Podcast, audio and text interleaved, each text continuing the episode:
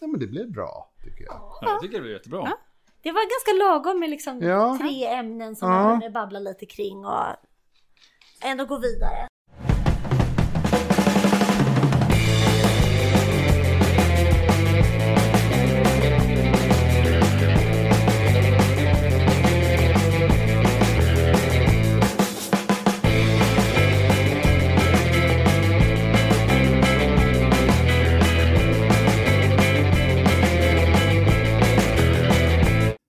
Och välkomna till ytterligare ett avsnitt av Euforipodden. Ett eh, lite annorlunda avsnitt och jag sitter här i vanlig ordning med Björn, Helena och Caroline. Hej! Hej Marco Hej. Hej Marco Idag har vi inget eh, givet ämne att prata om.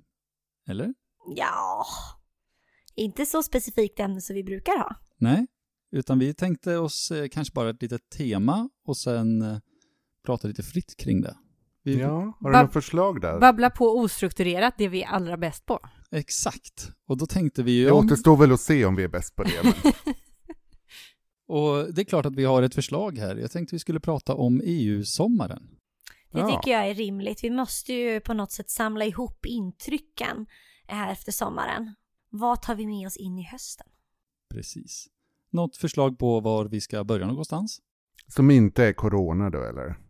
Eller ska vi... Nej, jag orkar, jag vi- orkar, jag orkar inte med Vi struntar i den Vi elefanten. släpper det. Den kanske kommer in ändå, vi får väl se Mm. här i babblet. Ja, Jag har ett annat förslag. Ja, För mig så är det här EU-sommaren präglad av en person. Angela Merkel. på vilket sätt? Alltså det är som att hon har fått sin revival, som ett Mm. gammalt band som har varit på väg ut liksom och sen så gör det en stor jäkla comeback. Alltså det har ju bara varit spekulation vem ska ta över efter henne i flera år nu nästan. Eh, och helt plötsligt står hon i alla händelsernas centrum och i EUs centrum. Eh, hon har ju styrt upp eh, budgetförhandlingarna, fått dem i princip att gå i lås, eh, liksom lett samarbetet, Tyskland har tagit över ordförandeskapet i EU, alla bara blickar vänds mot henne. Det är Angela som har präglat min EU-sommar i alla fall. Vad säger ni andra? Men är det hennes eh, sista suck på något sätt nu? Att hon, hon avslutar sin karriär med det här EU-ordförandeskapet? Ja, lite på topp. Hon får Mm. sluta på topp. Mm. Helt plötsligt är hon maktspelare nummer ett igen i, i EU, som i fornstora dagar. Eller blir hon kvar? Nej det, nej, det tror inte jag. För det finns ju inte så här jättebra efterträdare jag har förstått. Men jag var i Berlin i somras och då pratade jag lite med folk där och de sa att nej, de trodde inte hon skulle vara kvar. Och hon har ju varit ganska tydlig med det, men samtidigt så är inte hon en sån där som är ganska ansvarstagande och tänker så här att ah, jag får ta det i alla fall. Nej, tvärtom. Hon är ansvarstagande och förstår att hon måste gå. Ja. Aha. Mm. Men hur ska det gå då? Vem ska ta över? Ja, och, och där tycker jag att det finns, för jag har lite tyska kompisar, när man pratar med dem så har ju de massa åsikter om eh, Merkel som jag kanske inte har för att jag inte ser på henne från ett inrikespolitiskt perspektiv, utan jag ser ju henne som en, en väldigt viktig europeisk ledare, eh, och hon och Macron eh, egentligen. Och där tycker jag att... Det. Mm. vad sa du? Merkrons, äh, Mer- akronymen. Merkron. som kanske inte slog riktigt så hårt, men Men eh, ja, så att jag är lite orolig, även om de liksom väljer en ny ledare i Tyskland så kommer det vara någon som också kan ta på sig och axla den här, för hon är ju liksom, hon är inte bara Tysklands motor, hon är ju det för Europa också. Och kommer en ny ledare i Tyskland kunna eh, ta sig an den Nej. europeiska ledartröjan? nej, absolut inte. Det är lite Det farligt kommer för ju Europa bli ett sådana fall. stort eh, avbräck för EU-ledarskapet. Mm. Samtidigt så är det ju så att om är man ledare i Tyskland så är det ju det, det största landet och drivande i den här motorn. Men, eh, så Men det har ju- är också så mycket hennes cred. Alltså hon, har, Mm. hon är den EU-ledare som har varit med längst. Hon har gått igenom alla de svåra kriserna som har präglat och, sk- och skapat liksom vår politiska samtid. Hon har överlevt allting. Mm. Hon vet hur man får fram en kompromiss och har det förtroendet hos andra. Så det är väldigt mycket som också ligger i, i henne personligen. Mm. Hon kan det politiska spelet verkligen. Ja, det kan man verkligen säga. Men är det händelserna nu det här året som har gjort att hon har fått en framträdande roll? Alltså de omständigheterna runt omkring? Eller har hon tagit på sig mer? Just så här som en sista suck. Jag tror att det är flera sådana här faktorer som har liksom lyft fram henne igen. Alltså hon, hon har ju försökt trappa av och man ska utse en ny efterträdare och hej och hå. Och det har ju inte gått så där jättebra. Och sen så har eh, ytterligare en kris Alltså det, hon är ju krishanteringens mästare. Ytterligare en kris har slagit till eh, och hon har fått då kliva in för det har, det har bara inte funnits någon annan. Och ordförandeskapet samtidigt som ju verkligen ja, men skapar eh, förutsättningarna för hennes återkomst. Just det. Mm. Men jag, jag tror nästan att jag på det här spåret måste komma in lite på corona också. Jag visste att du skulle hamna där. jag hamnar ändå Men, där. ja, eftersom du tar upp det här med budgeten och, och när de tog den, eh, långtidsbudgeten så tog man ju också ett stödpaket, ett krisstödpaket eh, för Europa i spåren av pandemin. Och det var det ju också mycket eh, snack om, hur ska det vara liksom bidrag eller ska det vara lån och sådär, där Sverige hade en väldigt restriktiv linje om att äh, men vi vill inte stötta så där mycket och så mycket kan vi inte ge i bidrag utan det måste vara lån och så. Och jag är, det finns en oro för mig i den här pandemihanteringen så har jag tänkt mycket på detta med att det, alltså, jag, här vill jag inte recensera liksom den svenska strategin jämfört med andra strategier, men det som är intressant är att Sverige har en annan strategi som gör att vi på något sätt återigen inte delar samma historieskrivning kring det här, eller samma upplevelse kring det här som resten av Europa, eller i alla fall många delar av Europa. Att så där har det ju varit att Sverige har lite svårt att förstå liksom varför man har de här vallmoblommorna på sig eh, när man eh, firar krigsslutet och sådär för att eh, ja, vi har inte, alla, alla i Sverige sitter inte på massa gulnade fotografier av eh, förfäder som, som dog i kriget eller sådär. Och samma sak med andra världskriget, att vi delar liksom inte samma, ja var det verkligen så farligt? Vi delar inte samma historiebild av hur det var. Och jag tror att det kommer hamna, hamna lite grann samma sak här i pandemins spår. Att, och då tänker jag framförallt på det med de länderna som har haft väldigt restriktivitet i eh, rörlighet och då inte på gränserna utan de som faktiskt har varit instängda, att du bara får gå ut en halvtimme per dag och sånt där, som vi absolut inte har varit i närheten av att uppleva här. Och om det också då spinner över på att vi inte har varit lika benägna till att anta de här krisstödpaketen och sådär. Tror du inte att du drar lite lång, väl långtgående slutsatser av det? Alltså det är inte så att alla andra länder i EU har gjort på ett sätt och Sverige på ett annat.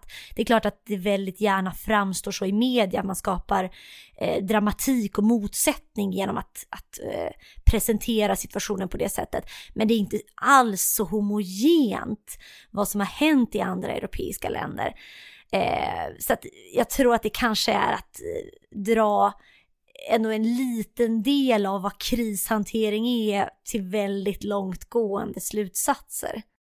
Ja, Jag tror i alla fall i liksom central och sydeuropa där det har varit de här, nu är det fler länder i Sverige som inte haft det, men det är ändå en hel del länder som hade just det att du inte fick lov att gå ut, att du var väldigt begränsad i din eh, frihet. Och det tror jag kommer sätta mycket djupare spår än i de länder där det inte har varit så.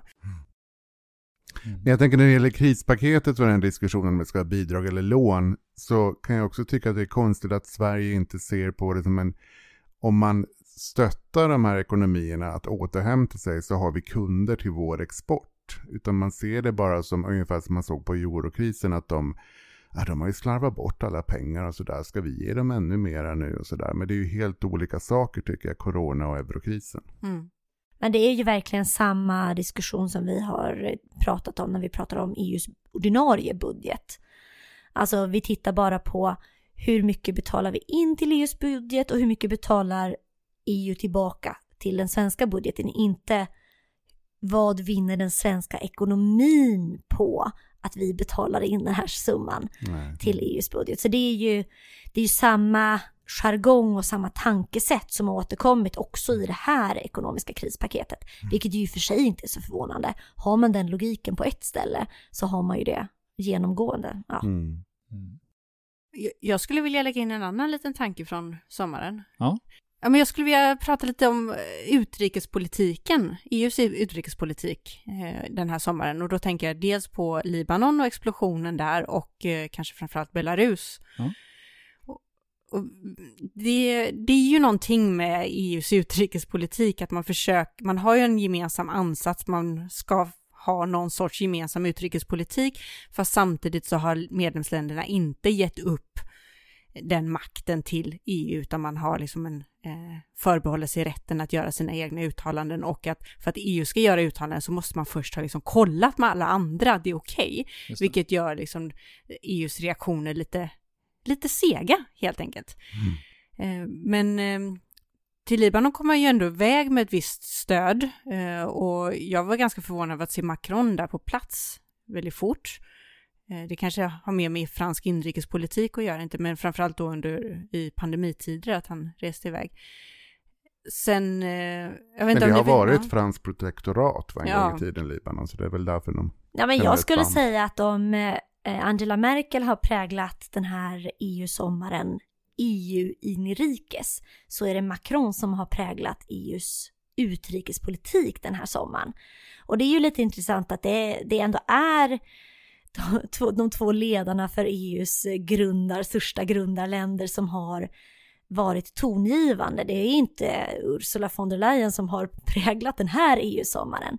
Eh, förutom att vi såg eh, Macron i, i Libanon så är det också de som har skickat eh, krigsfartyg eh, till Cypern när man bråkar eh, med Turkiet om eh, gasrättigheter. Det är de som liksom har tagit ton eh, och agerat och synts och hörts. mm. Mm. Mm. Men, men det där är ganska intressant, för jag tänker då hur det uppfattas utifrån. Att, för när jag säger då att Macron kommer dit, så för mig så är det ett bevis på att EU gör någonting, därför att jag ser honom, så ser jag också liksom Europas agerande. Eh, Medan andra kanske bara ser det som att nej, men då är det ju Frankrike som agerar och inte EU. Eh, Men vad han är det som är är ju- synonymt med vad? Han är ju väldigt noga med att hela tiden framhålla det europeiska Mm, eftersom han är en sån stark förespråkare av integration och federalism. Eh, så kanske hade det varit en annan fransk ledare hade det inte framstått på samma sätt. Men han är ju väldigt mån med att hela tiden sätta en EU-flagga på allting. Mm. Just det. Sen är ju inte han lika populär idag som han var när han valdes, så det kan ju också vara ett sätt att rikta uppmärksamheten åt något annat håll än, än inrikesproblemen. En klassiker. Mm. Sen är det klart att eh, det skulle vara väldigt känsligt om, om tyskarna agerade militärt utrikes i utrikespolitiken. det, så att det finns nog en anledning till den tydliga uppdelningen att det, fransmännen har en historia, kanske inte jättepositiv historia, men de har en historia och, eh, eh, av mer militär utrikespolitik. Men sen om vi tar upp lite med Belarus då och EUs reaktioner efter eh, ja, valet inom situationstecken. EU får ju väldigt mycket kritik för att man är liksom för svag i alla sådana här uttalanden och att eh, EU någonstans liksom, ja, men lite lutar sig tillbaka och nästan föredrar status quo i många länder som med auktoritära styren runt omkring. Eh, därför att det är lite obehagligt vad som kan komma och sådär. I det här fallet så har man ju ändå eh, sagt väldigt tydligt från EUs håll att man inte eh, godkänner de här valresultaten och eh, man har då antagit den här sanktionslistan gentemot eh, eh, officiella personer från eh, Just det. Belarus som då eh, har anses understödja det polisvåld som, som pågår. Har EU agerat för, tillräckligt den här gången eller fortfarande för svagt? Alltså det finns ju alltid de som tycker att det är för svagt och, och jag tror inte det här handlar om att EU på något sätt skulle ha något intresse av att bevara status quo. Det är inte det, är inte det, det handlar om. Utan man landar i status quo när man inte kan komma överens. För att i alla de här frågorna så har man ju EU-länder som står jättelångt ifrån varandra. Litauen som vill driva på för jättehårda sanktioner som är hemmaplan för den eh, belarusiska oppositionen gentemot eh, Ungern som är så här, ah, ja men lite tjenis med Lukasjenko och sådär. Eh, det är klart att EU kan ju inte vara mer kraftfull än vad man kan komma överens om. EU består ju av medlemsstaterna, särskilt när vi pratar utrikespolitik.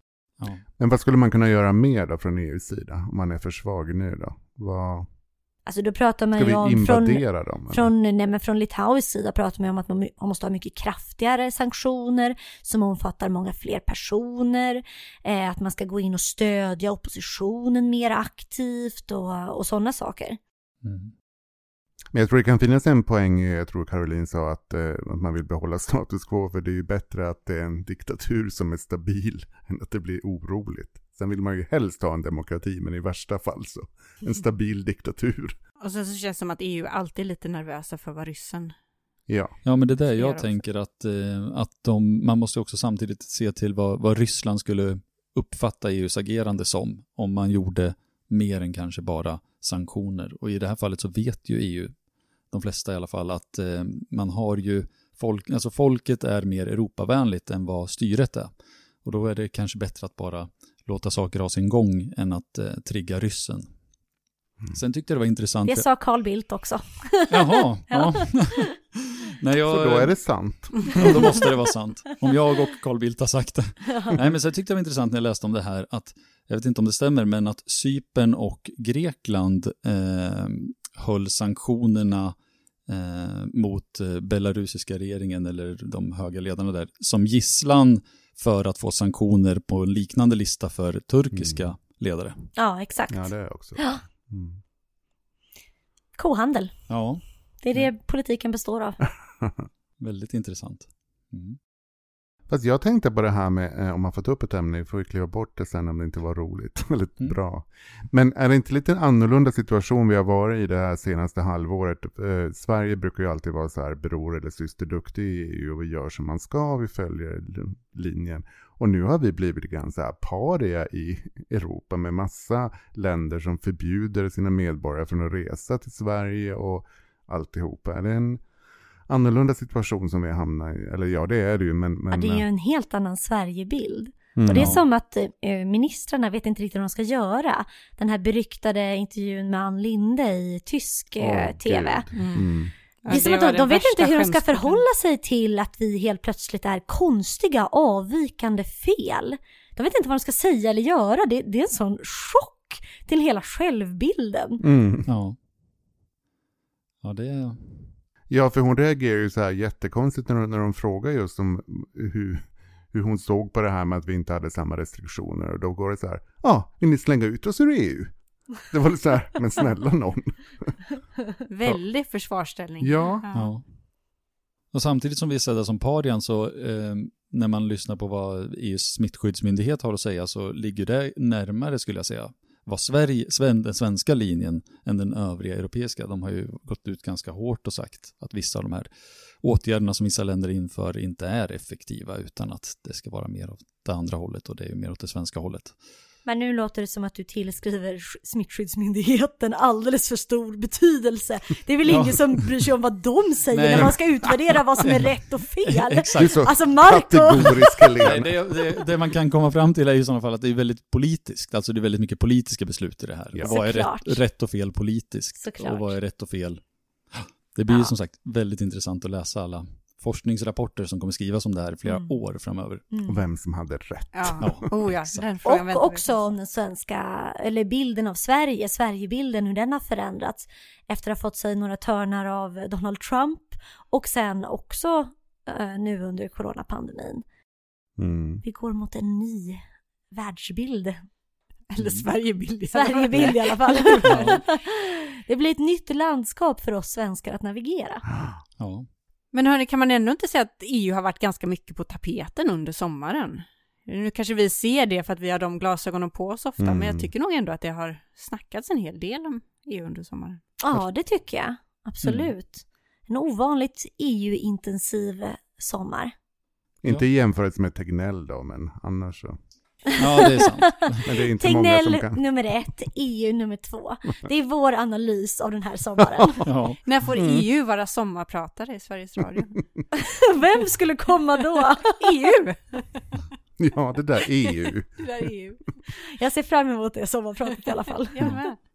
Men det, det är en jättebra kanske slutlig analys att det, det har ändå varit ganska mycket EU i en förhållandevis ja, händelserik sommar så har det varit mycket fokus på EU. Får vi se om det blir mera nu i höst när man kan börja fokusera på lite andra saker, men det är inte säkert.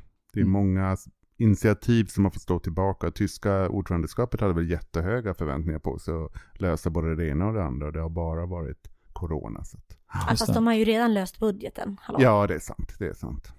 Precis. Ja. Mm. Det är ju, måste vara ett av de mest erfarna ordförandeskapen.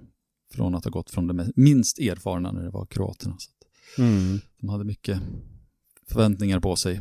Får vi se om de har Vi fått får ställa om. återkomma med en utvärdering av tyskarna. Har de levt upp till förväntningarna? Har Angela Merkel, kan hon nu lämna scenen med en gloria? Eh, vad blir slutmälet? Mm, Vi återkommer med det så har man något att lyssna på under julledigheten. Ja, det blir precis. fint det. Då tar vi ett sånt eh, här avsnitt igen då, om eh, Ja. några månader. Och eh, får vi se. Det här gick ändå förhållandevis bra tycker jag. Trots att vi inte hade något direkt ämne. Vad säger Nej, ni? det, var, det gick bra. Vi får väl, vi får väl lyssna sen. Ja, vi får väl lyssna på oss själva och se, blev det verkligen bra eller inte? Att antalet lyssningar eh, säger om det blev bra eller inte. det låter bra. Kommentera gärna på Instagram och Facebook, eller hur? Absolut. Euforipodden på Instagram och EU-foripodden på Facebook. Och så hörs vi igen i ett vanligt avsnitt nästa Mm. gång, eller? Det gör Ja. vi. Hej då då. allihopa. Hej då! Hej.